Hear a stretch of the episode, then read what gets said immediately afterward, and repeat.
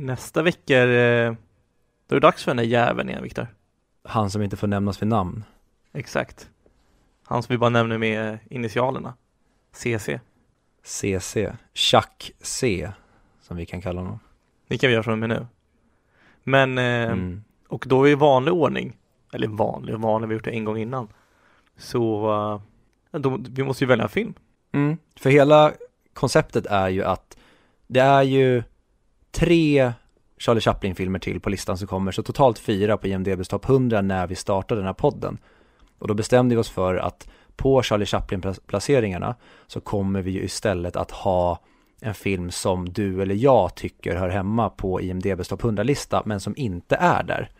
Och jag vet inte om vi bestämde det eller om vi bara pratade kring det, att det är ju tråkigt att kanske ta en Nolan-film som inte finns på topp 100 för att det finns redan en massa Nolan-filmer, utan man kanske tar en film från en regissör som inte har så många filmer på topp 100.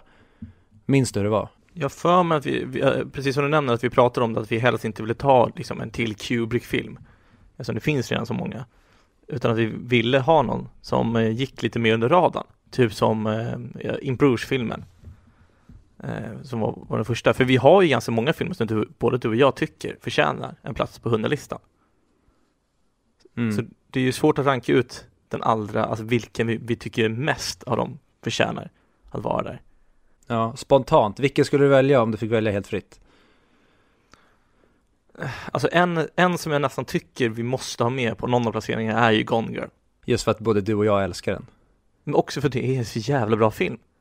Det finns brister kanske, men Ja, jag vet att många är lite, jag vet inte om, om det berodde på en hype som kom kring den när den kom, eller om folk bara blev allmänt besvikna, men jag tycker att det kanske inte är Finchers bästa, men det är kanske den jag helst slår på av alla hans filmer. Men ja, vi eh, kommer förmodligen prata om den.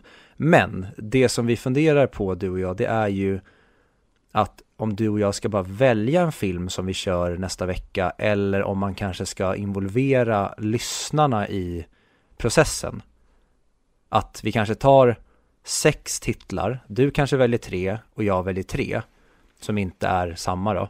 Och sen så kanske vi gör en omröstning där lyssnarna får bestämma vilken vi ska snacka om. För då kanske det blir en som du älskar av dina tre som du kanske väljer eller så blir det en av dem jag älskar av de tre. Och så kanske det blir att jag tycker inte att den är lika bra som du och det kanske blir, blir ett mer intressant samtal än att vi tar båda Gone Girl som vi båda egentligen bara kommer sitta och lava satan på. jag tycker att vi tar bort kanske från där. Jag tycker att vi gör så. Du väljer ut tre stycken. Jag väljer ut tre stycken. Sen passar vi på att utnyttja den här stora makten vi har fått i och med vårt samarbete med Moviesin att kunna nå ut till så många människor. Och eh, utnyttja det här att, att vi har en mycket större publik som kan rösta vad vi ska välja. Vad tror du om det? Mm, det hade varit väldigt intressant att kika på. Vi får ju snacka med Big Boss Alexander Dunerfors om det går att göra någonting snyggt där. Om det antingen blir att vi kanske lägger upp på våran Facebook-sida eller om Moviesin har en Facebook-sida eller via Moviesins hemsida. Jag vet inte riktigt. Vi får i alla fall när lagom till det här avsnittet kommer ut så kommer vi ha löst det. Men nu spekulerar du och jag bara fritt på ett upplägg inför nästa veckas film som vi, ja, hittills inte vet vilken det är. Så du som lyssnar just nu och hör det här, pausa, eller låt vara igång, man kan göra två saker samtidigt förhoppningsvis. Gå in på vår Facebook-sida, hitta omröstningen och rösta på den film du tycker vi ska ha med. Kul hade varit om, om, om alla fick två röster, en, en röst till, till den man vill ha med och, och en som man absolut inte vill ha med. Så man får ju plus och Mm. minus till, till varsin film. Ja, och där skulle vi nästan köra en mindfuck, att vi väljer den som har fått minst plus eller flest minus. Varför det? För det är det jag lever för, provocera. Ja, sant. Men jag tror inte det går att göra så på Facebook tyvärr. Allt, det Nej. ska vara så positivt. Ja, det var väl ett snack för ett antal år sedan om det här med att de skulle lägga till en eh, tummen ner. Men Ja. så kom de fram till att vi vill inte att man ska uppmuntra till negativitet. Och det slutade med att det var 550 miljarder neckbeards i kommentarsfältet istället som spred citat där. Jag älskar de här, uh, om du tycker det här, då gör du en hjärt-emoji. Tycker det här, då är det en tummen upp. Om du tycker det här, då är det en gråtande gubbe. Så kan vi ha också. Ja. ja, det skulle ju kunna vara ett alternativ. Vi vet ju inte än, utan det blir ju framtiden, en, eh, vad blir det? Fyra dagar fram, vi spelar in det här fyra dagar innan det släpps, så att Mm. vi får la se helt enkelt. Eller alla ni som tycker att det är Gone Girl delar. Alla ni som tycker att det är den här filmen kommenterar. Alla klassiska, du vet, sprida vidare sitt namn-metoder som finns på Facebook. Det kör vi. Sen har ju Twitter den där grejen när de, framförallt jag som följer mycket fotbollskonton på Twitter, där har det varit omröstningar, okej, vem är världens bästa spelare, Cristiano Ronaldo eller Messi? Retweeta för Messi och likea för Ronaldo, det är så här, vad tror ni att det är en fair grej att använda? Det är klart folk kommer likea mer än vad de retweetar. Och då vinner också- alltid den som likas. Ja. Ska vi köra igång eller? Ja, det kommer stå i avsnittsbeskrivningen. Vi får väl se till att försöka på något sätt förklara där eller skicka med en länk på hur man kan rösta på nästa veckas film. Det löser sig hur som helst. Bra, då kör vi. Ja.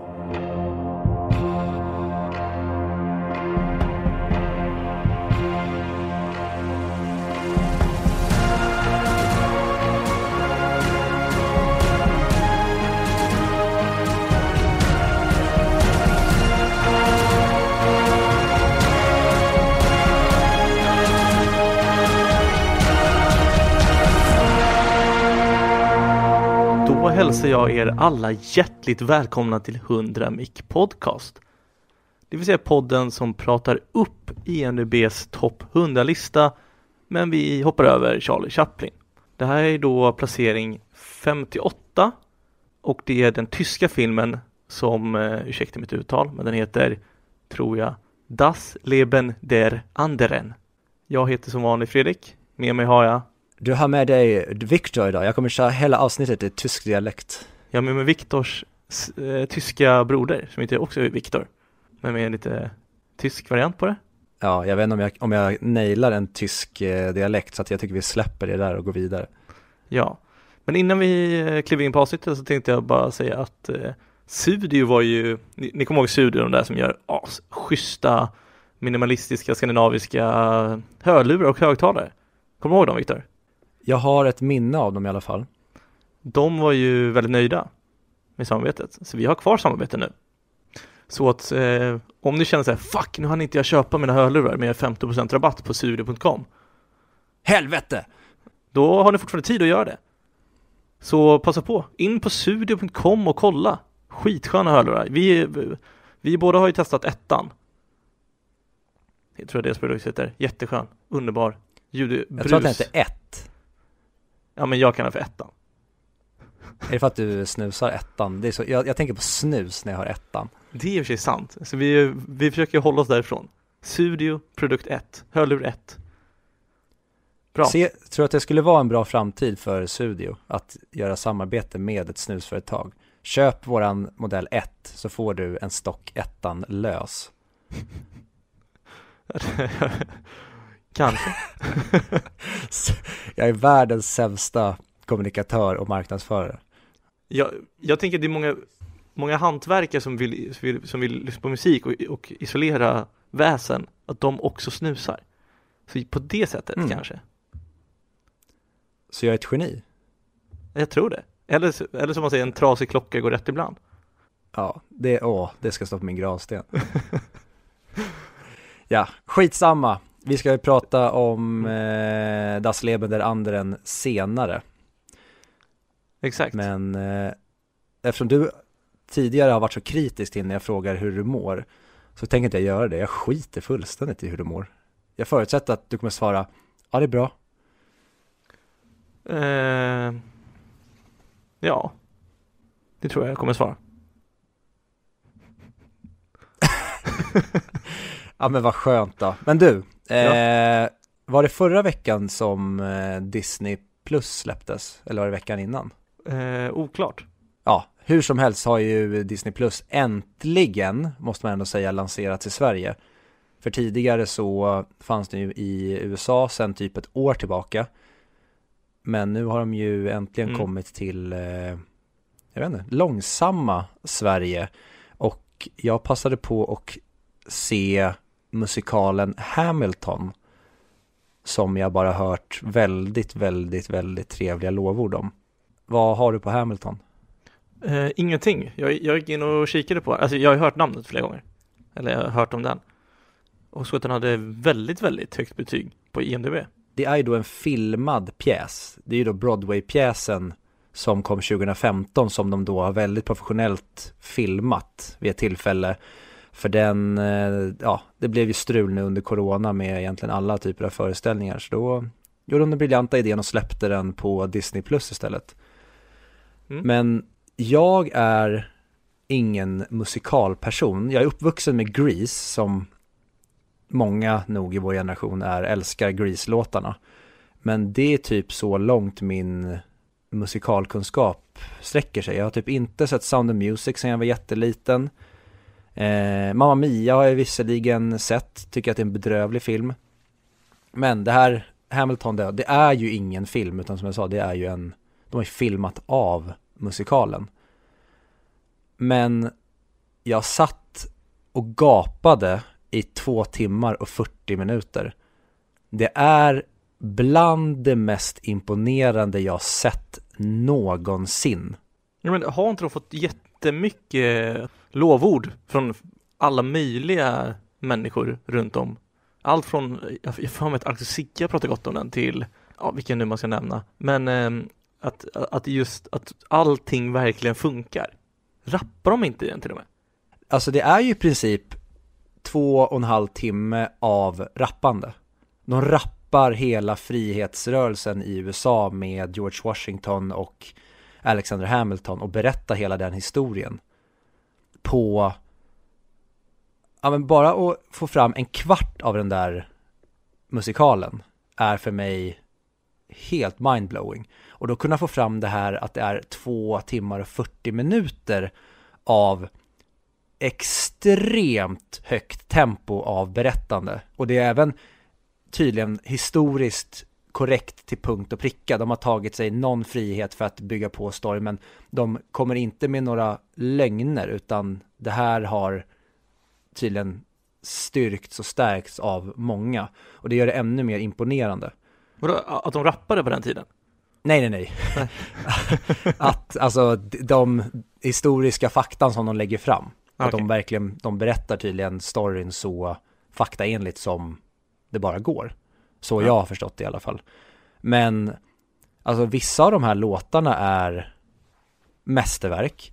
Men, alltså hur de framför det här, jag blir snurrig när jag tänker på castingprocessen, hur de har fått fram de här genierna på varje roll i den här musikalen. Det är helt otroligt.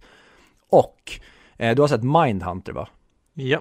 Han som spelar Holden. Ja. Spelar eh, den brittiska kungen. Och han är helt fantastisk och har en, en av de mest imponerande musikalpiporna jag hört. Och han är i den rollen så långt ifrån Holden i Mindhunter som det bara går. Så att det enda jag vill nu är att någon kastar honom och spelar psykopat. För att han gör en så jäkla extravagant roll som den här kungen som dreglar och spottar och är verkligen bara stirrar med blicken.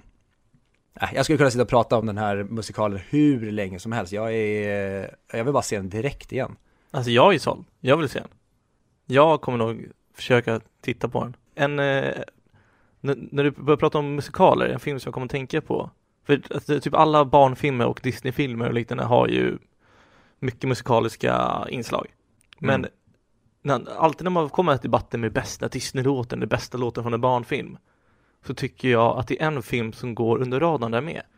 Har du sett A Goofy Movie? Alltså Longben the Movie? Ja, för i helvete. Den är, det är en av mina favoritfilmer när jag växte upp. Ja, samma här. Janne Långben the Movie heter den på svenska. Ja, den är helt otrolig. Och de låtarna där, det, det får vara två låtar, Eye to Eye och så kommer jag inte ihåg vad den andra heter. De skulle jag hävda är typ de bästa låtarna från barnfilm. Har, har du den i huvudet mm. nu? Ja, men jag kan inte nynna på den. Ska jag spela upp lite? Kör på. then again, Dad?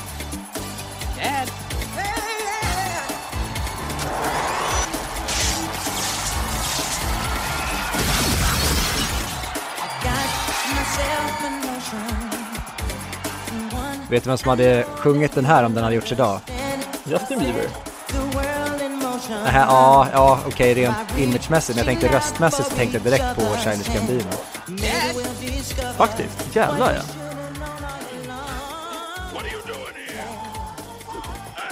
Ja, det här är ju barndom.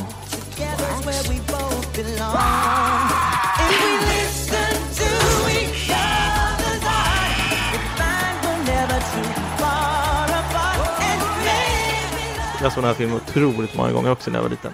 Men för, jag, jag- kommer ihåg framförallt när de dricker eh, kolasåsen. För då är det en av hans kompisar som älskar kolasås. Och kolasås såg Ja. så jävla gott ut då, efter det. Mm. Jag tror att den filmen är en av mina, det, det här går nog att säga för många Disney-filmer, men du vet den här när man, det började pirra någonstans för att man tyckte att eh, hon tjejen som Max är kär i, man blev själv lite kär i henne när man var liten. Det var så här, oh, det där vill jag också ha. Jag vill också ha att det ska vara en snygg tjej i min skola som jag är kär i och lite blyg för att prata med. Ja, exakt. Man ville ha det där. Och det var ju många filmer som jag tycker gjorde det med när man var yngre. Att man verkligen ville ha den där, äh, märkligt det där. För det är ju någonting man ser i alla tonårsfilmer även idag väl? Absolut. För- Förutom att många filmer har vänt på det. Då är det Emma Stone som istället är lite utstött. Och lite så här kaxig tjej. Lite som hon eh, May i, eh, heter hon väl, i Sex Education? Eh, ja, Maeve Wiley va? Mm. Jag har inte sett andra säsongen eftersom eftersom du hatar ner på den så mycket. Jag gör inte det. Spara Nej. de timmarna och gör någonting vettigare med ditt liv. Bra.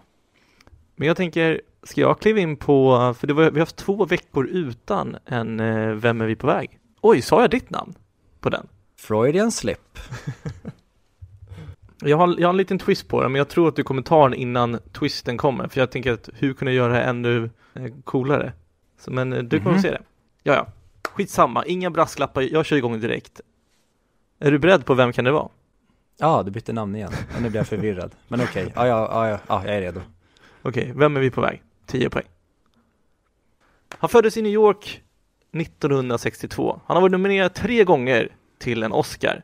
Men en vinst skulle många hävda är ett omöjligt uppdrag för honom. Däremot har han vunnit Golden Globe tre gånger och varit den sista av, av sitt slag. Han inledde sin karriär med Endless Love 1981. Oh, jag har ju en gissning här, men jag vet inte fan om jag vågar på den. Nej, jag, jag kör åtta. Åh, okej. Åtta poäng. Man kan tro att han är med i en vetenskaplig klubb, fast det är inte så mycket vetenskapligt med den. Han är en av två som har varit med i filmer som omsatt mer än 100 miljoner dollar sju gånger. Alltså okej, den var väldigt oturlig nu. Han, han har varit med i sju stycken filmer som har omsatt 100 miljoner dollar. Eh, genom svansen på en tupp har vår man inspirerat många till sina val av karriär. Hmm. All right, jag gissar. Okej? Och jag gissar på, Okej, då kör vi sex poäng. Och det är inte det enda som han har inspirerat. Många gillade Ray- Ray-Ban-glasögon, eller, eller som, som det kanske mer känns som, pilotbrillor, efter att han har färdats väldigt snabbt i en film. Han har spelat många roller inom militären och polisen. Allt från att förebygga brott inom små reporter till att som civil person försöka hjälpa militären när jorden är under attack. Ja, du känner, känner du självsäker på din jag känner mig säker. Okej, och nu på fyra poäng så kommer du få höra en eh, ljudledtråd. Lyssna noga här.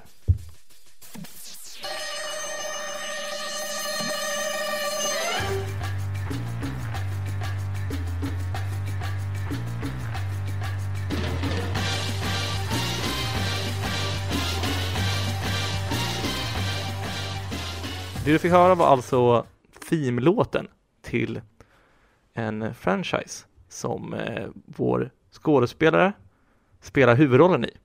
Och då känner jag att du känner dig ganska säker på det här va?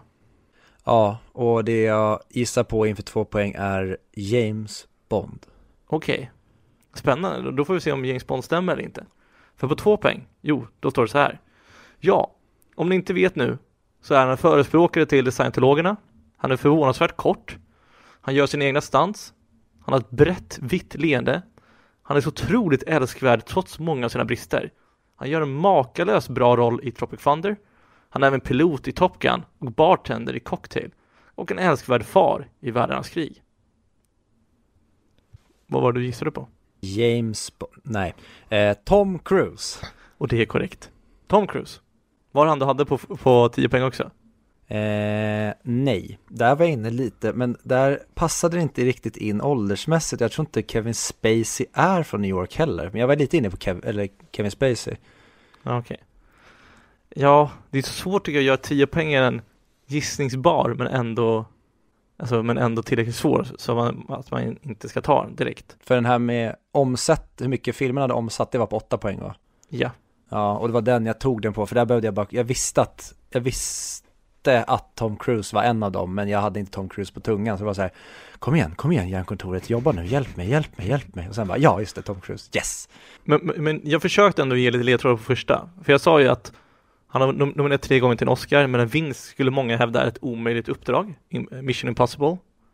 Eh, men han har vunnit Golden Globes och har varit den sista av sitt slag. Den är väldigt långsökt. Det var lite såhär The Last Samurai. Eh, och sen så gav jag hans öppningsfilm som var Endless Love. Och sen så på åtta poäng så sa jag att han varit med i en vetenskaplig klubb. Eller att man kan tro att det är en vetenskaplig klubb. Alltså scientologerna, Scientifica och så vidare. Um, men också det är han och Tom Hanks som är enda två som omsatt. Och genom svansen på en tupp har vår man inspirerat många till sina val och karriär. Det är ju då ett cocktail. Ja, sjukt, det var något sånt där, jag bara, Rooster Tail, eh, Cocktail, men jag visste inte att han hade varit med i en film som hette Cocktail, så den gjorde mig ingenting. Nej okej. Nej men där för mig att han gör bartenderyrket väldigt sexigt. Och sen så kommer de här, de här är lite lättare, att han har Ray-Ban glasögon och pilotbrillor. Är det Ray-Ban han har i den filmen? Jag har faktiskt ingen aning, jag har inte sett Top Gun, så jag ska inte yttra mig om den. Okej. Men eh, ja, han förebygger brott genom små reporter, alltså Minority Report. Briljant film! Tycker du det? En av Steven Spielbergs bästa. Det var jättelänge sedan jag såg den, så jag har inget uttalan om den. Jag för mig att jag tyckte om den då, men jag fattar inte så mycket, för jag var ganska liten. Eh, och hjälp militären, ja, världens krig. Vad heter han som gjorde Citizen Kane? George Orwell höll jag på att säga, han heter Orson Welles. Visst var det Orson Welles? Jag blandar alltid ihop de två. Men eh, Ja. det var väl han som gjorde radioprogrammet Världens krig från början? Ja. Exakt. Kul. Pranken en hel nation. Eh,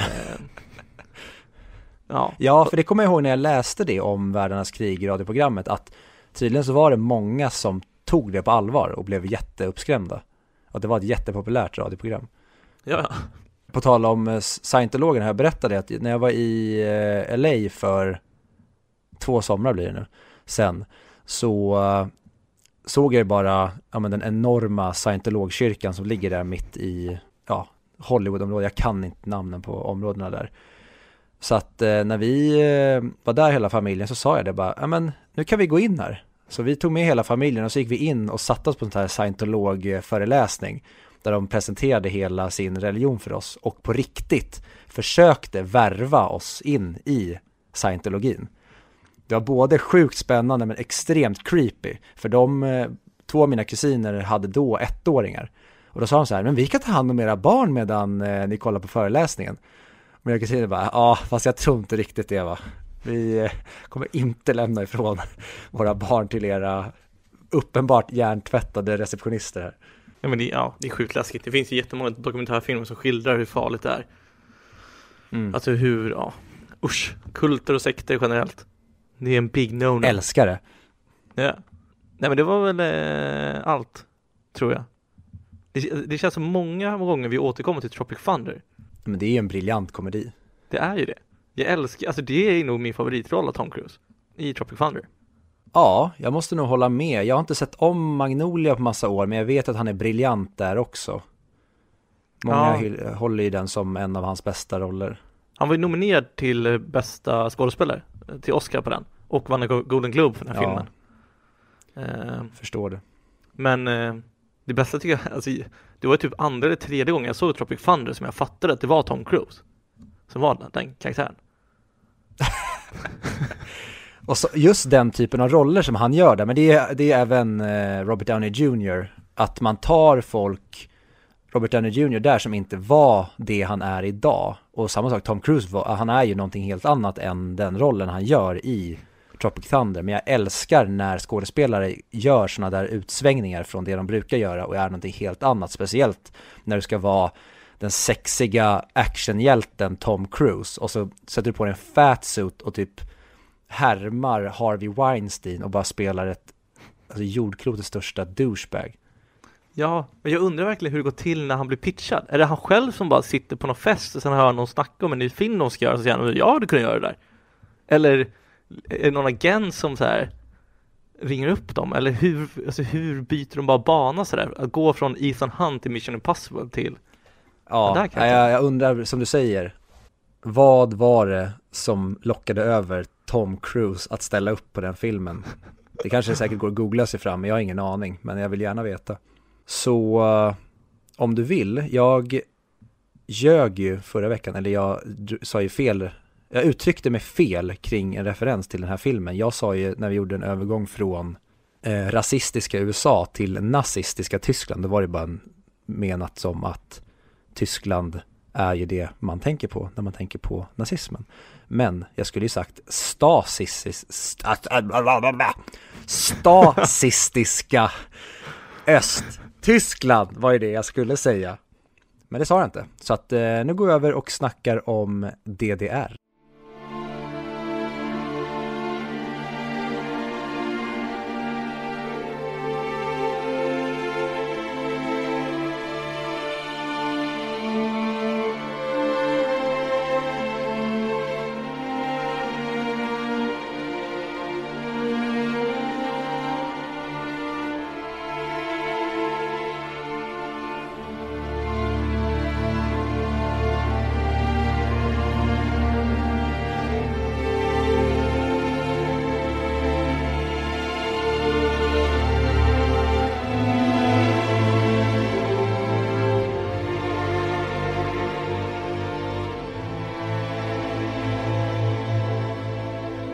Då är vi på den andra sidan och det är dags att prata om Das Leben der anderen.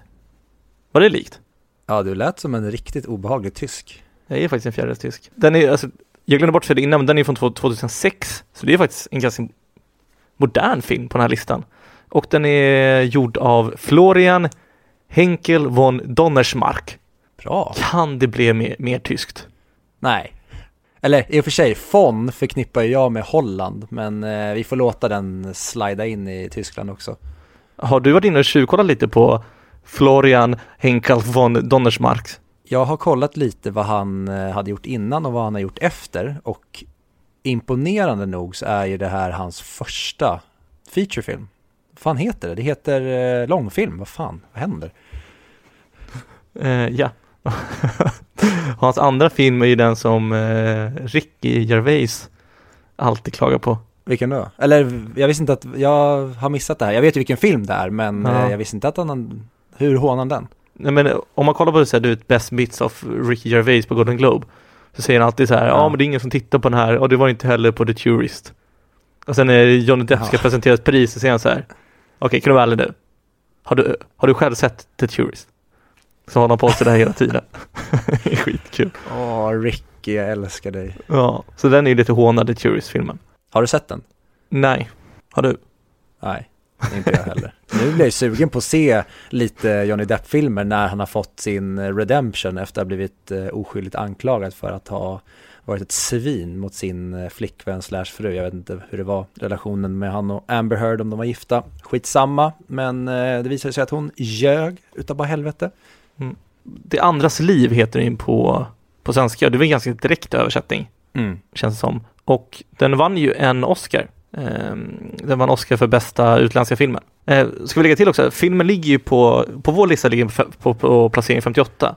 Men just nu har den åkt ner två placeringar, så den ligger på placering 60 på, eh, på listan i sig. Ja, det kan ju vara bra att vi gör det framöver, att vi nämner vad den ligger på idag för lista, för att den här förbannade listan är ju föränderlig hela tiden, så att många titlar ligger inte på de placeringarna som de gör när vi släpper avsnitten. Men det är svårt att förhålla sig till en lista som hela tiden förändras. Vi försökte ju ringa till IMDB och be dem låsa listan under perioden som vi gör den här mm. podden, men eh, eh, de har fortfarande inte vågat svara. Nej, lite irriterad på det. Eh, men på tal om Mm. det, hade du sett eh, Das Lieben, Das Anderen? Das Lieben, das der anderen, das hade jag sett en gång tidigare. Hör du det? Åh, alltså, du och jag, utländska filmer, är ingen bra kombo tror jag. Nej, framförallt, jag börjar göra, jag vill ju alltid göra dialekterna till den regionen som filmen kommer ifrån. Det var ju som när vi pratade om eh, Dangal och du inte ville att jag skulle köra någon, ja, någon väldigt generaliserande indisk variant när jag skulle presentera. Ja, ja, men du hade sett den en gång? Ja, jag har sett den en gång tidigare. Och jag mindes den som att det här är en tung, så här, klassisk cineastfilm som man gillar när man är i en period när man vill vara lite creddigare och coolare och tycka om lite svårare filmer än vad man egentligen gör. Men jag vet att jag hade ett högt betyg på den, men jag tänkte så att okej, nu när jag inte längre är i de här bajsnödiga filmgillaråren längre, utan nu blir det ju verkligen en 100% ärlig åsikt när jag kollar filmer idag. Jag ser ju ingenting som jag tycker är det minsta ointressant.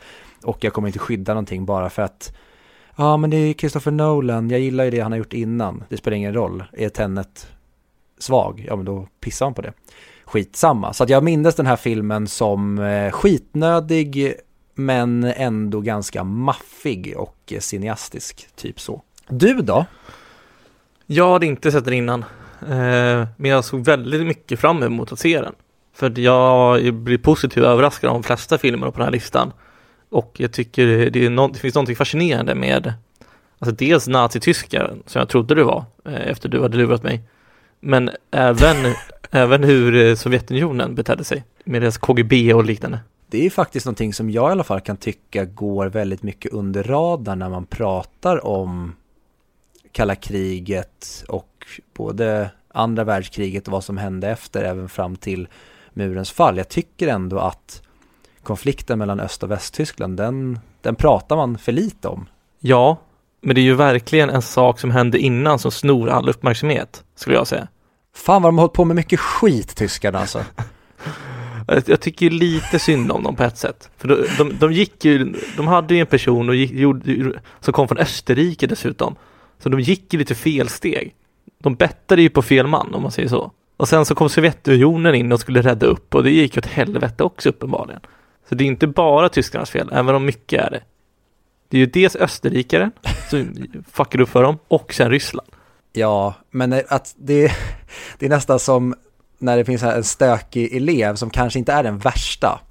Men när han har varit med tillräckligt många gånger i skolan när det har varit hyss så börjar läraren till slut så här Nej men snälla Anders, är du inblandad i det här också? Ja men det är så klassiskt när man att någon gör någonting, någon kastar sudd på Anders och sen säger Anders åt dem att sluta så blir läraren arg på Anders för att Anders pratade. Snacka om att så. skydda Anders. Åh. Men ja, eh, nog om, eh, vi kanske ska benämna Tyskland Väst-Anders och Öst-Anders hela nu, tiden när vi pratar om Das Leben der Anders. Åh. Och vi har inte planerat det här briljanta innan, utan det här bara, det är bara så, så här geniala vi är. Men eh, Levender Anders. vad, vad tyckte du om den här filmen? Eh, innan jag säger vad jag tyckte om filmen så kan vi dra en liten premiss om vad filmen faktiskt handlar om. Den handlar ju då om eh, en agent under eh, Stasi då, alltså Östtyskland, DDRs, eh, vad ska man kalla det? Det var deras underrättelsetjänst eller deras, typ deras Säpo kan man säga. De såg till att eh, det ska inte komma in massa jävla snubbar och grejer som ska jiddra här och vill du dra över till den här västsidan? Nej du, du ska stanna kvar här på östsidan och se till att våran ekonomi och vårt samhälle mår bra. Anyway, det handlar om en man som heter Wiesler som då är en eh, Stasi-agent. Ja, han får ett uppdrag om att han ska då avlyssna och förmodligen sätta dit en eh, hyllad teaterregissör. Det börjar då med att han egentligen buggar hans lägenhet och eh, får en del information om honom Men det här övergår till sen att han börjar bli så intresserad av den här mannen och även hans eh, skådespelerska till eh, umgänge. Att han börjar då istället skydda dem och börjar radera saker ur protokollen och vissa saker som kan uppfattas på ett sätt, de spinner han så att man ska missförstå dem. Till exempel när hans eh, kollega som byter av honom under avlyssningen, när han undrar vad vissa saker är, då ljuger han om vad det är faktiskt det de pratar om så att de ska bli eh, vilseledda. Han börjar alltså bry sig om det här parets liv och skydda dem från DDR. Jätteorak förklaring, men fick jag med det som behövs? Jag tror det. Den är ju väldigt vacker på det sättet, den filmen. Eh, jag är ju väldigt kluven till vad jag tyckte om filmen. Alright, berätta. Och jag har känsla av att du kommer säga Åh, det var så jävla bra, musiken var ju perfekt och åh, det är så fint fotografi. så det, förlåt, jag ska inte lägga ord i din mun. Vad tyckte du om filmen, Viktor? Alltså musiken var ju så jävla perfekt och de hade lagt och fotot där i scenen var ju, nej. Eh, för mig är det här en helt otrolig film. Ja. Jag trodde inte, som jag sa, jag trodde att den här skulle vara mycket mer bajsnödig än vad den var. Men den är så otroligt vacker i sin enkelhet och den verkligen bara lunkar fram hela tiden. Men är inte det lite just problemet, att den bara lunkar fram? Ibland hade jag velat haft en liten sprint. Ja, jag tycker ju kanske det som jag gillar mest med den här, symbolik är fel ord, men egentligen vilka handlingar som leder fram till vilka utfall. Det Mm. tycker jag är nästan det som den här filmen gör bäst.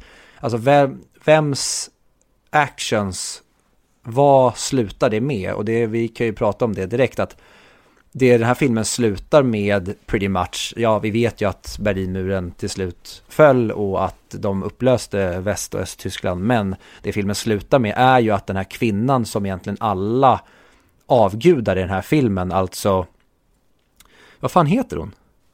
Krista Maria Siland. Siland, att det är så många män som under den här filmen trånar efter henne. Det är till exempel att se hur Wieslers besatthet blir av henne under den här filmen. Och det är egentligen det som jag, fan vad jag har svårt att hitta sammanhängande resonemang här nu märker jag.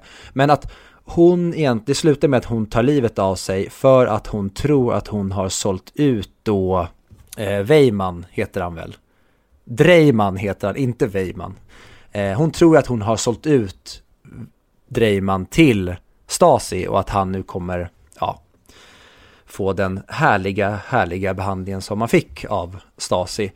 Men det visar ju sig då att då Wiesler har ju snappat upp det här samtalet och han har ju gömt skrivmaskinen innan de kommer dit så att de får ju ingenting på Dreiman och det är sen, ja, sin tur slutar ju med att han då tackar honom i boken. Men egentligen att det är ju egentligen Dreiman och Wiesler skulle jag säga som ser till att hon till slut tar självmord för att det är mycket de gör som tvingar henne att egentligen blir bara allting trängre och trängre för henne till slut så blir det att hon känner inte att hon har någon utväg utan hon måste gola på honom för annars så är hon fakt. Eller tycker du att jag uppfattade fel? Nej, jag håller med. Jag tog aldrig kopplingar för det nu. Jag vet inte vad, hur jag inte gjorde det. Men det är så, det är därför han säger i slutet så här. "Oh, Do you want this gift wrapped? Jag vet inte varför jag pratar på engelska när jag är på tyska dessutom. Men det var, ja, jag hade text på engelska. Och så säger jag, nej, den här är till mig. Ja, Eh, nej men alltså, vi, vi kommer ju komma till det eviga. Du vet ju vad jag kommer tycka om. Varför kunde den inte bara liksom slutat lite lyckligare? Den hade varit lika tung ändå. Han hade kunnat få gå runt och dela ut post och vara lite nedstämd och fast ändå lycklig att han offrade sin karriär för någonting bättre. Men hon hade väl kunnat få leva? Men då hade den inte varit så här kraftfull och då hade det känts, då hade det inte känts som att oavsett, även fast de blev fria från DDR i slutet så blev de aldrig fria för de förlorade ändå. Så det blir ändå en bitterljus i slutet för att Dreiman, han är, ja, han hamnade där han hamnade efter och fortsatte med sitt men han är- har ju liksom, man ser att han har en stor tyngd på sina axlar och Wiesler han, han bryts ju ner under hela den här filmen. Han går från att ha allting på det torra men egentligen ett jävligt pissigt och trist liv till att han börjar känna saker, men den här känslan kommer ju också med en otrolig tyngd.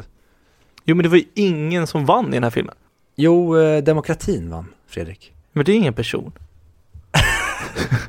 Nej, jag skojar. Nej, men jag håller med. Men det du vet ju hur jag är där. Jag älskar ju när ingen vinner. Jag älskar ju när man vågar sluta på ett hemskt sätt eller på ett vemodigt sätt. Och jag, den här filmen är ju fortfarande, det finns ju en positivitet i slutet, men som du säger, ingen vann. Nej. För jag blev ändå väldigt imponerad av den. Eh, för jag läste lite mer. Dels så hade den ju jättelåg budget eh, för att göras. Mm. Två Eh, miljoner dollar va?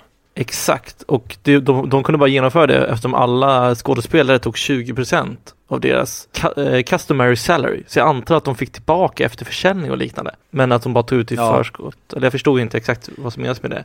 Men, men framförallt Mm. att dels all utrustning de använder är ju riktig Stasi-utrustning Mm. som de lånar från museum och liknande. Men också när han ringer upp eh, och ber han spela piano. Eller när han, när han spelar piano, och när han spelar Sonata for a good man. Mm. Så spelar han ju den på riktigt. Han övar alltså i fyra timmar dagligen i sex veckor. För att kunna spela den. Dedication. Ja, och, och sånt, sånt får ju filmer, alltså sånt ger ju en film pricken över iet. Samma sak på eh, den här um, Coco, är det väl? Eller vilken film var det när varje, varje tangenttryck var riktigt? Exakt så som det låter. Var inte det Coco när de spelade gitarrerna? Att ha exakt rätta hela Nej, det var väl Amadeus va, när de spelade? Amadeus var Ja. det, inte Coco. Exakt. Sånt är ju beundransvärt, tycker jag. Mm. Proffs. Man älskar proffs. Men eh, vi kommer ju hoppa som vanligt väldigt mycket i den här. Jag bara nu när jag har det på tungan. Att när självmordet väl kommer, där kände jag lite att både wow, men även att först, min första tanke var så här, självmord, fan vad tråkigt. Men sen börjar man tänka på det så här, men vänta nu, det är precis vad hela filmen har handlat om. Hela hans text som han fick igenom till västsidan publicerade, den handlar om självmord och därför tycker jag att det blir så jäkla snyggt när det kommer tillbaka i form av ett självmord på en av huvudkaraktärerna. Ja, för den handlar väl om den här hopplösheten som deras förhör och deras, eh, alltså hur man utnyttjar varje person och, och utpressar dem. Att till slut så har de inget val att antingen svika sina nära och kära eller ta livet av sig. Mm. Det sjuka är att hon väljer båda två, men Ja, ja den, är, den är så, och det älskar jag också med den, den är så mörk. Den är så hopplös, den är så grå och fotot och hela känslan är så realistisk. Jag älskar att Ja. den är så ofilmisk på det sättet. Den känns verkligen nästan åt det dokumentära hållet för den är så himla nedtonad och icke... Det känns inte som att den är skådespelad. Det känns som riktiga människor rakt igenom i den här filmen. Ja, och man får verkligen den här nazi slash stazi stämpeln i början tycker jag redan. När han förklarar deras alltså, mer pseudovetenskapliga teorier om förhör. Alltså när han säger i början att hur vet vi att den här personen ljuger? Jo, nummer ett, en, en person som talar sanning skulle bli arg. Och det är så här, ja, alltså jag hade nog också börjat gråta och undrat varför de höll mig vaken i 48 timmar. Jag har sagt att jag var oskyldig. Eh, och sen och den andra köper jag dock. Säger man exakt samma ord för ord hela tiden eh, så känns det mer som att man ljuger. Men samtidigt kan det bara vara att man är rädd för de här. Rädd för att åka fast för man vet att om man råkar ljuga, då, men då är det fängelse. Då är det alltså eh, jobbläger och allt möjligt. Så man lär sig ett Mm. statement det här innan. Det hade, jag, jag hade nog gillat mer om man fick reda på att han var oskyldig senare i filmen. Han i början. Ja, men han är väl inte ens med senare va? Utan det är bara, han är bara för egentligen, alltså prove a point i början. Exakt. Ja, men det tycker jag också är, alltså just den där grejen med, som du säger, pseudoscience. Det tycker jag också är en del av typ de här rörelserna, att de har egentligen ingen vetenskaplig grund för det de håller på med. Utan de tror ju bara väldigt hårt på en ideologisk, alltså de har en ideologisk belief som de har. Och då lever de efter den stenhårt och det är ju en del av det att, ja, bara för att du beter dig så här så betyder det att du ljuger och då håller vi oss till det. Att det handlar egentligen inte om att komma fram till sanningen utan de vill ju bara ha total kontroll och visa att du ska vara rädd hela tiden. Alltså de styr bara med järnhand och du ska veta det att ja, alltså det spelar ingen roll om du, om, även om han hade blivit arg, då hade han lika gärna kunnat phrase, alltså bara ändra om det till att ja, men i det här fallet så råkade han bli eh, arg, han var undantaget som bekräftar regeln, men vi förstod ju att han ljög ändå. Alltså det handlar inte om att ha vattentäta teorier, utan det handlar egentligen bara om kontroll och makt. Exakt, och då, det de har är de har väldigt kvalificerade gissningar på vem det är hela tiden. Och sen så ja, bryter de väl mot alla mänskliga rättigheter när de bara kan gå in och rota runt i någons hem som de tror är skyldig. Eller har mag, alltså magkänslan är att den här personen är skyldig. Men det, alltså, det är ju fascinerande på något sätt, hur hemska och det än var, alltså återigen både nazi och Stasi, hur effektiva de var med just den här äh, informationsdelen och att alla tjallade på alla. Alltså säga vad man vill om tyskarna, men helvete vad effektiva de är. Ja. Återigen, det är synd att det kommer in en österrikare och eh, Sovjetunionen som utnyttjar det. Ja, och det ska man också veta, det är en sjuk grej att till slut, vet du vad Östtysklands största exportvara var? Nej. Fångar. Vad var det? Alltså Västty Västtyskland köpte fångar av Östtyskland till slut. Oj. Och det blev till slut deras största exportvara för att Sovjetunionen hade tagit alla naturtillgångar och deras andra exportgrejer som någon slags eh, återbetalning för andra världskriget. Så till slut när östtyska ekonomin mådde skit, då började de exportera fångar i utbyte mot pengar med väst. Ja, det är så sjukt. Det är, ja. Och det är inte så länge sedan. Alltså det här, det är sjukt. Man pratar om andra världskriget, men det här är verkligen inte länge sedan. Nej, när föll muren? 88 va? 89. 89, ja. 31 år sedan. Ja, det är helt otroligt. Alltså vi föddes tre år, eh, ja du är fyra år sedan, men vi liksom, det var några år efter som vi föddes. Det är fortfarande modern tid för dig och mig. Ja, sen, sen får man väl inte blunda för verkligheten heller, om vi ska bli lite konspiratoriska. Det är väl sånt här hela USA håller på med, fast världen över och Kina. Samlar in data på alla och ska kartlägga alla och avlyssna. Det är väl bara att de gör det lite mer low key än vad man gjorde förr. Ja, det har du för sig rätt i. Och det är en grej som jag tycker också är jätteintressant med den här filmen som jag tycker man kan verkligen se jättetydliga och om, om du pratar om det här med att USA och Kina använder liknande tekniker idag, de gör det ju lite smidigare så att som du säger, så att det blir som en konspiration. Men någonting som inte är en konspiration idag som tyvärr vi ser överallt i hela västvärlden, och det är ju den här cancel-kulturen. Som vi verkligen såg i den här filmen med att, ja, vi kommer inte sätta dig i fängelse, men vi kommer ta bort allting. Vi kommer ta bort så att du inte kommer kunna jobba, du får sparken och sådana grejer. Att vi förstör inte dig genom att du sitter bakom lås och bom, utan vi tar bara ditt leverne och det som får dig att vilja leva. Ja, det är en märklig grej. Men eh, vad tycker du om eh, huvudkaraktären? Alltså, eh, jag vet inte, Drayman?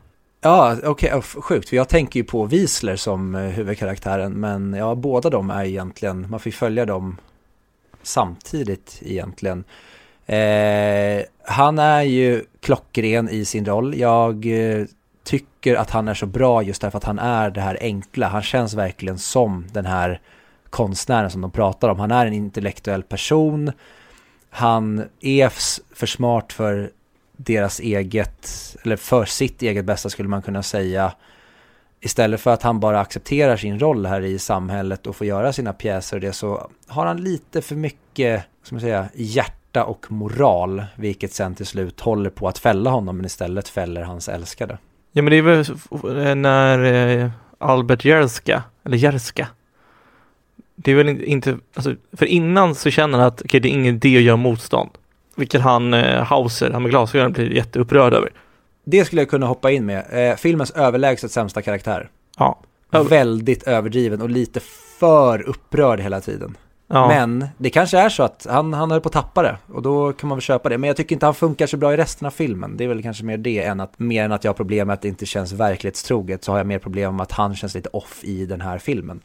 Men eh, ja, skitsamma. Go on. Ja, men det kan jag hålla med om.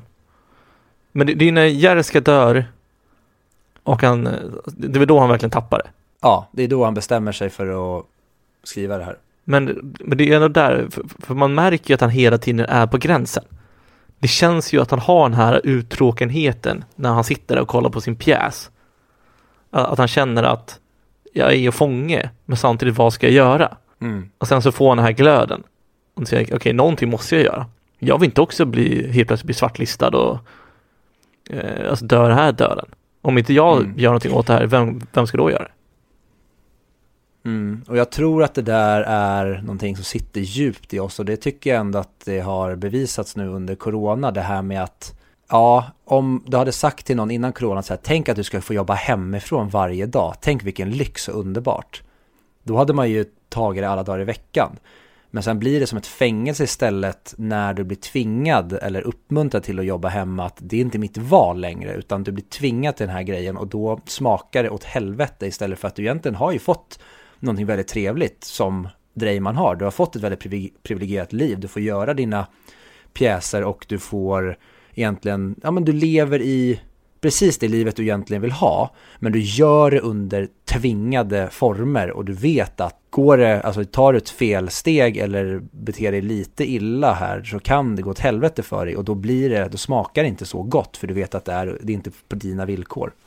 Men det är väl en blandning också, det är väl inte bara att Jerry ska dö och det där, det är väl också att han märker att hans, hans flickvän, eh, alltså Siland, att hon typ måste ha relation med han, eh, the supreme leader, eller vad man nu kallas.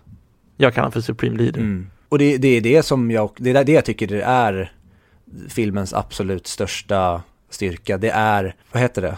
Eh, actions och consequences, alltså saker som händer, de hela tiden får konsekvenser. Mm. Och det är precis som du säger, det är, det är en cocktail av massa olika saker som till slut får honom att agera. Och så har vi samtidigt, vi har den här, eh, eh, vad är det han nu heter? Eh, Grubitz. Eh, alltså han som, och det tycker jag också är jätte, jättebra. I början när, då är Wiesler och Grubitz typ på samma nivå rent eh, hierarkiskt. Eller till och med så skulle jag säga att Wiesler är över Grubitz för att han har varit någon slags lite, lite förebild för honom under plugget. Uppfattade jag det som i alla fall. Mm. Men sen ser man hur Grubitz bara växer och växer och tar mer och mer, han blir nästan maktgalen och börjar behandla Wiesler som bara en av hans anställda. Att man ser att ja, i början har de en vänskap men till slut så är det bara egentligen en chef som säger åt hans underhuggare att göra massa saker. Och sen till slut i slutet, ja då är det egentligen bara så här, du kommer hamna ner på ett dead end jobb i resten av ditt liv och det är din bestraffning för att du har gjort det här. Jag kan inte bevisa att det är på grund av dig det här har skett men jag vet att det är på grund av dig det här har skett. De, alla de här grejerna tycker jag är så otroligt bra med allas relationer och vad vi börjar filmen och sen vart vi avslutar filmen. Men skulle man kunna säga att det är han supreme leader, som inte jag kommer ihåg vad han heter? Alltså äckelgubben som rapar henne i bilen. Exakt, alltså eh, Weins, vad heter han? We- Weinstein? Weins, fan, vad heter han? Wiesel? Nej, Wein, Eller Weissel? nej alltså han riktiga Hollywood-killen. Vem? Weinstein, He- heter han inte så? Harvey Weinstein? Ja, alltså Harvey Weinstein, Jaha. den tyska Har- Harvey-varianten. Eh, Ja. nej men alltså det, det är väl han och Dreyman som är de karaktärerna som, som inte förändras under filmens gång egentligen. Alltså från, från hur de var i början till slutet. Ja, men jag, man måste väl ändå säga att Dreyman förändras ändå. För att han är ju väldigt mycket mer, han köper ju i sig, han köper i sin situation mycket mer i början än vad det gör till slut. Han agerar ju väldigt mycket under filmens gång. Men han då, Supreme Leader eh, Snusk Weinstein, German version, han kanske är där för att bevisa att vi får se en person som var högt uppsatt i början. Men sen får vi även se att personer som han fick aldrig betala sitt pris även efter muren föll. Utan han är fortfarande rik och håller på med såna här grejer men han har bara inte samma makt längre sen när de möts där på teatern i slutet. Det är något sånt jag tänker i alla fall att de vill visa med honom. Att han kanske står still i icke-förändring. Men tycker du verkligen att Dreyman förändras? För börjar inte, eller hans presentation i filmen är väl precis som hans slut. Att han sitter med sin pjäs. Ingenting är egentligen förändrat för honom. Ja, men det är väl kanske mer att ingenting har förändrats för honom rent yrkesmässigt. Men jag måste ändå säga att han har gått igenom en väldig resa. Han är ju en helt annan person och har gjort väldigt, han har ändå gjort väldigt allvarliga saker under den här resans gång. Det håller jag med om. Alltså, han, han förändras ju under resans gång, men det känns som att, att, att han i början och i slutet är exakt likadan. Han är här lite konstnärlig, han skriver lite, lite så lätt nedstämd. Medan där i mitten, då får jag den här glöden. Det har han inte i slutet längre. Nej, han kanske känner då att, eh, som, som du pratade om, att det här, det blev inget lyckligt slut och då känner han en hopplöshet. Att han kanske, det kanske det också filmen vill visa, att han kanske är kvar på samma plats. Att det spelar ingen roll, det var en helt onödig aktion för honom. Eller att även fast han inte hade gjort det här så kanske muren hade, alltså hans brev kanske inte påverkade någonting utan hade han bara suttit still i båten och spelat sin roll så hade han ändå varit fri runt 90-talet. Och så kanske hon hade överlevt. Precis, för det är ju också en del, det är på grund av att han agerar som hon faktiskt till slut dör. Även fast det är hon själv som väljer att ta sitt liv, men alla de här händelserna leder ju upp till att hon känner sig tvungen att göra det. Och hade inte han börjat konspirera, hade inte, hon börjat, hade inte han börjat konspirera och skriva de här texterna och ha alltså, hemligheter från henne, då hade det inte funnits några hemligheter att avslöja. Nej, och hon säger väl det också att jag vill inte att någonting ska hända med dig eller oss. Det är därför hon måste träffa honom och så vidare. Och sen går han ändå och blir fast i det här spindelnätet och håller på med sina hemligheter. Och frågan är vad som hade hänt att, för att där hon börjar så är hon ju, hon har en otrolig tvivlan på sig själv. Alltså Silan, hon har en jättestor tvivlan på sig själv. Hon blir praktiskt taget våldtagen av den här gubben för att hon ska behålla sin position och kunna fortsätta göra det enda hon älskar, alltså skådespela. Hon har börjat ta antidepp för att orka med tillvaron. Frågan är att om hon inte hade gjort någonting alls utan bara fortsatt spela på det här, hade hon, vad hade hon varit för person sen när muren föll? Hade hon kunnat komma tillbaka och bli det som hon kanske hoppades på att det skulle bli? Eller hade hon gått sönder redan innan? Man vet ju inte vad som skulle hända med karaktärerna om de inte hade agerat i filmen. Och det är kanske det som också gör att det känns så hopplöst. Och man vet att muren hade förmodligen fallit ändå, så de hade förmodligen blivit fria ändå. Men vad hade hänt med deras livsöden? Ja, alltså det är ju synd bara att eh, han eh, Wiesler är så dålig på att ljuga egentligen, vilket är för konstigt. För det är väl också en, en grej som jag tänker att det känns som att den här världen känns för liten, som att allting måste peka på att det är Dreiman som har skrivit det här. Alltså som att, som att, som att Östtyskland är så pass litet, så att det måste vara just han. Trots att det finns noll bevis mm. för det. Ja, men de börjar ju med att få en misstanke i början och sen när det här allting grejerna börjar dyka upp mer och mer då börjar de ju, de fortsätter ju undersöka honom och ha koll på honom ännu mer. Sen när, när den här texten kommer ut i Der Spiegel så då blir det ju verkligen okej, okay, nu tar vi med hårdhandskarna. Nu ska vi bara kolla till 100% en gång till att det inte är den här jäveln som vi har misstänkt innan. Och det blir väl egentligen det som mycket av sådana här samhällen blir. Till slut blir de ju paranoida. De kanske gjorde så här mot andra eh, författare också. Ja, absolut. Men det jag eh, menar är att, alltså, att de misstänker Dreyman så pass mycket trots att eh, Wiesler sitter och övervakar.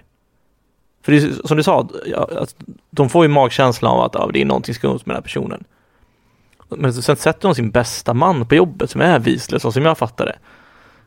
Och trots det så misstänker de honom och det måste ju vara för att han, eh, vet han, Grubitz, att han märker på Wiesel att någonting har hänt, han ljuger. Men hela den biten känns inte helt utforskad tycker jag. För, då, för varför skulle Wiesel som är typ den bästa de har haft och som är så helt perfekt ordningsam, helt plötsligt börja ljuga? Då borde han ju lägga mer känsla på det. För han tror ju att han ljuger, annars hade han ju aldrig gått dit och genomsökt huset. Men det är en grej som i alla fall jag tolkar det som och för mig blir det, jag får gåshud nu när jag tänker på det, men det är så jag tolkar det. Det är att i början är Wiesler den här otroligt känslokalla mannen. Han, han skulle egentligen kunna men, rapea ett barn och sen bara gå ut och helt känslolös. Han känns som den här verkligen DDR-maskinen. Men han vaknar ju upp och får känslor och börjar förstå av det vackra med livet när han avlyssnar dem. Till exempel scenen när han bara sitter och gråter när han hör hur han spelar pianot. När han säger det alltså att, vad är det de säger om, var det om Lenin eller var det Stalin? Ja. Vad fan var det om? Lenin sa någonting lite med att om jag, jag kan inte lyssna klart på Beethoven. För om jag gör det så kommer jag aldrig eh, göra klart den revolutionen. Mm. Och det är det jag tycker i och med att han får sitt, lite som American Beauty, han slumrar i början av filmen och är helt ointresserad av någonting. Han är nästan, men man har ansiktet för en depression. Och man ser det när han beställer hem den här prostituerade och ber henne att stanna. Att han söker närhet och mänsklighet och någon slags, han behöver liksom färgfilm på sitt liv men allt är svartvitt.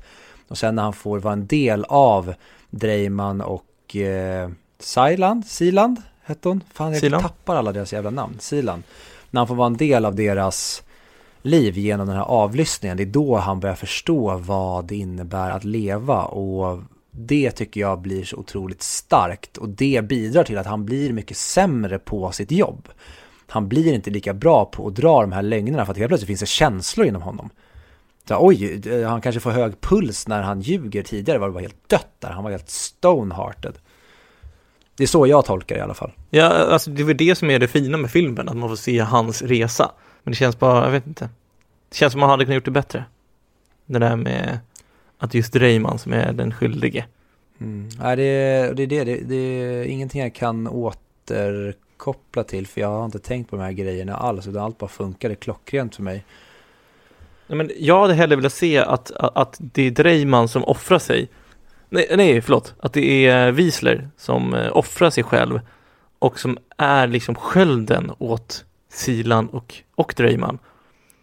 Att han, är, att han går från, att han egentligen offrar allt han kan för att de här två ska lyckas med det de gör. Det hade jag gillat mycket mer för då hade det varit liksom en kärlekshistoria fast utan den här sexuella kärleken, utan mer den här fina villkorslösa kärleken. Mm. Jag tycker ju den finns där också och jag tycker att det blir, när, när de står där och hon är påkörd och först när eh, Wiesler går fram så att han får då blodet på sina händer, vilket han bokstavligt talat typ har. Men att hela den scenen säger så mycket om vad det här har varit för att Wiesler är ju också förälskad i henne, precis som eh, tyska Harvey Weinstein-gubben också är. Alla är ju helt förälskade i den här kvinnan och precis som Dreiman är också. Men hon är ju en lögnare och en, en bedragare. Men ändå gör det så fruktansvärt ont när hon väl dör. Och då lämnas med den här känslan med att alla förlorade. Hon var liksom det här vackra, men även hon var korrupt. Precis som alla andra är egentligen, utom då Dreiman. Han är ju den vita riddaren i det här. Men på kuppen råkar han då döda sin prinsessa. Ja, jag hade velat mer att han gillade de två tillsammans. Alltså att han blev avundsjuk på deras liv, men han på något sätt kom underfund med att det här är för sent för mig. Det enda jag kan göra nu är att vara väktare åt de här två. Som, en- som en farbror som ska ta hand om sina, ja, sin brors barns, ja, sin, bro, sin brors barn. Men är han inte det då? Nej, men det är som du säger, han, han är kär i henne, men han bryr sig inte lika mycket om Dreiman. Jag tycker ändå att han bryr sig om båda. Men han hyser ju absolut mest starka känslor mot henne för att där finns det någonting sexuellt. Men jag tycker att det är, för det är ändå deras liv han är så fäst vid. Och han gör ju faktiskt, han räddar ju faktiskt Dreiman också. Ja, men jag vet inte, mer åt det hållet hade jag väl haft. Eh, Mm. Ja, men, men, det köpa. men det märker man också när han kommer in i baren och ser att hon går in där också. Och han sätter sig ner och pratar med henne. Det är då man märker hur hon ändras när han först håller på att beställa en soda och vatten. Så nej förresten, vodka ska det vara. Vodka. Jag vet inte, det är, det är en fin film men mm, mm. Ja, jag, ty- jag tycker att den här är helt otrolig. Jag trodde inte att den skulle vara så här bra nu när jag såg om den. Det bästa jag har sett ur, eh, alltså från tyskt håll, filmmässigt. Sen har inte jag sett jättemycket tysk film. Vilken placering, eller hur många tyska har vi sett? Vi har ju sett Das Boot och vi har sett M. Jag tror det här är Och tredje. det är väl det? Ja, jag kan inte komma på någon annan tysk i alla fall. Jag tror att det är den tredje. Men sen så även, eh, har du sett eh, Tony Erdmann? Nej. Också jätte, jättebra tysk film. Så jag antar att jag har sett den, för den tror jag vi fick se, du och jag hade samma engelska lärare i gymnasiet. Eh, Die Welle, alltså The Wave. Ja, ja, den har jag sett. Ja, också jättebra. Eh, har du sett eh, satiren Look Who's Back, eller som den heter eh, på svenska, Han är tillbaka, när Hitler vaknar upp i moderna Berlin. Nej. Genial komedi, Okej. kan jag verkligen rekommendera. Eh, annars, det senaste bästa tyska skulle jag säga, det är väl egentligen serien Dark. Som du fortfarande inte har sett, eller hur? Jag har sett första avsnittet kanske fem gånger. Sen har jag sett eh, avsnitt två, tre och fyra tror jag också. Men eh, jag vet, det är alltid någonting som gör att jag kommer av med, även fast jag tycker att det är jättebra. Men Mm. just en annan film. Vet du vilken film eh, Victoria är? Nej. Också jätte, jättebra. Det är en one take film. Jag tror att den är typ två timmar lång, men allt är en tagning. Det handlar om en tjejs natt. Eh, bara, man får följa henne en natt i Berlin. Och den är otroligt producerad. Att de får ihop hela, allt det som sker i den filmen i en tagning. Men det här är i alla fall den bästa eh, tyska filmen jag har sett. Överlägset. Ja, kanske. Eh, osäker. Jag, jag, jag tyckte den här står sig mot Das alltså Boot. Om man ska vara helt ärlig. Ja, Det är ja. Svårt att jämföra dem också. Ja, det är det det är, för det är helt olika filmer. Men eh, fan, ska vi kliva på betygen så kanske vi kommer in på fler saker.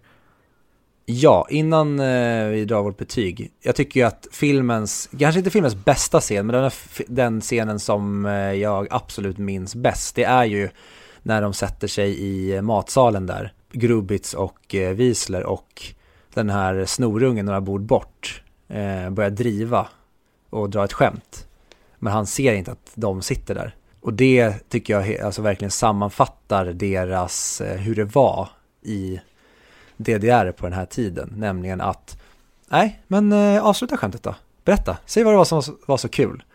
Och sen drar han skämtet, skämtet är skitroligt. Grubitz är med på det och nästan avslutar skämtet själv. Men sen så är det bara att, eh, vad heter du?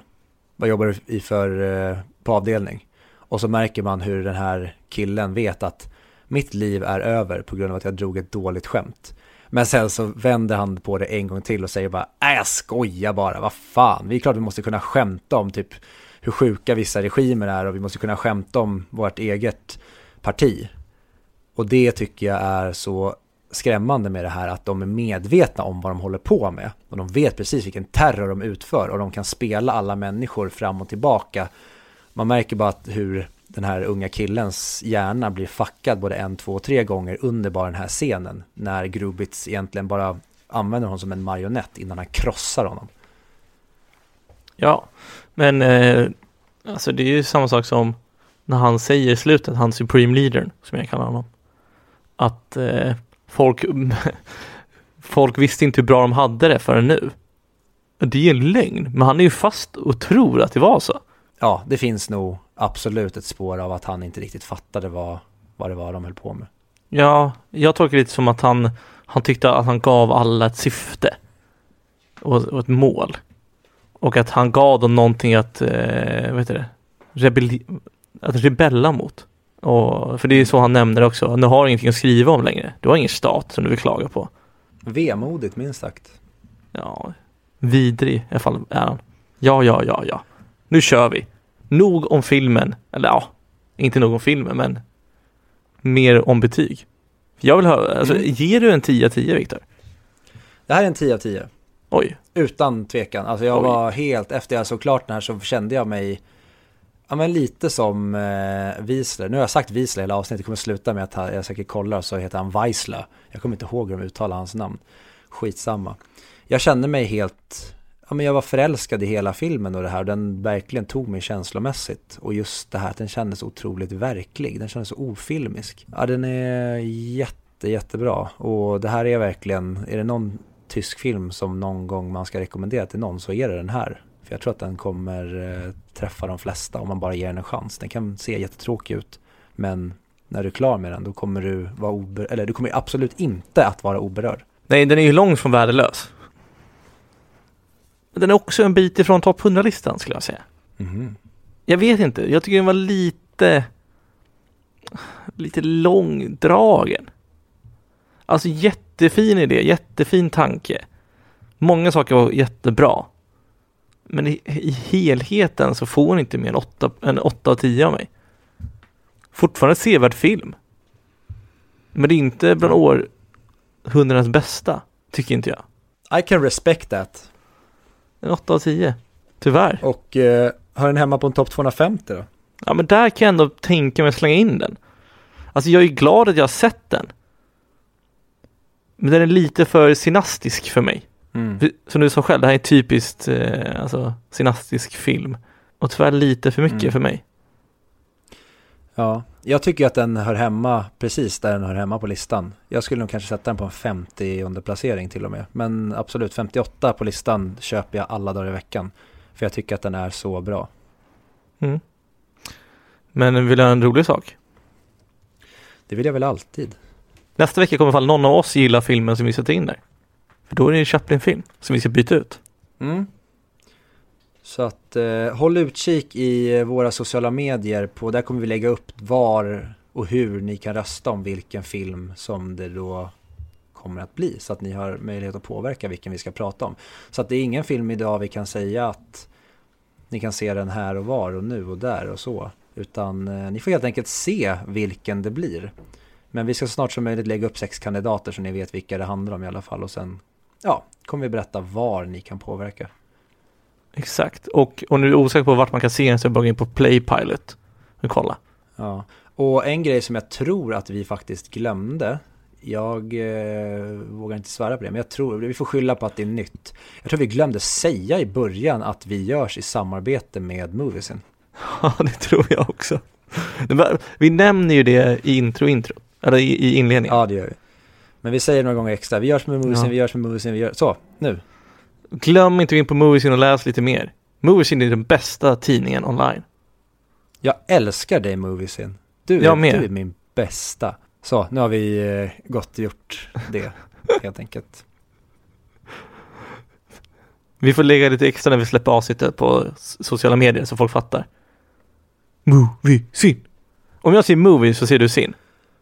Movie. Nu laggade du, vad sa du? Om jag säger movie så säger du sin. Movie. Fuck vad det laggar nu.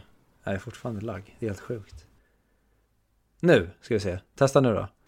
Om jag säger movie så säger du sin. Movie. Sin. Det bästa är att det, det går inte när vi kör via zoom. vi kommer ju aldrig få, ska vi skita i klippa ihop det här nu också?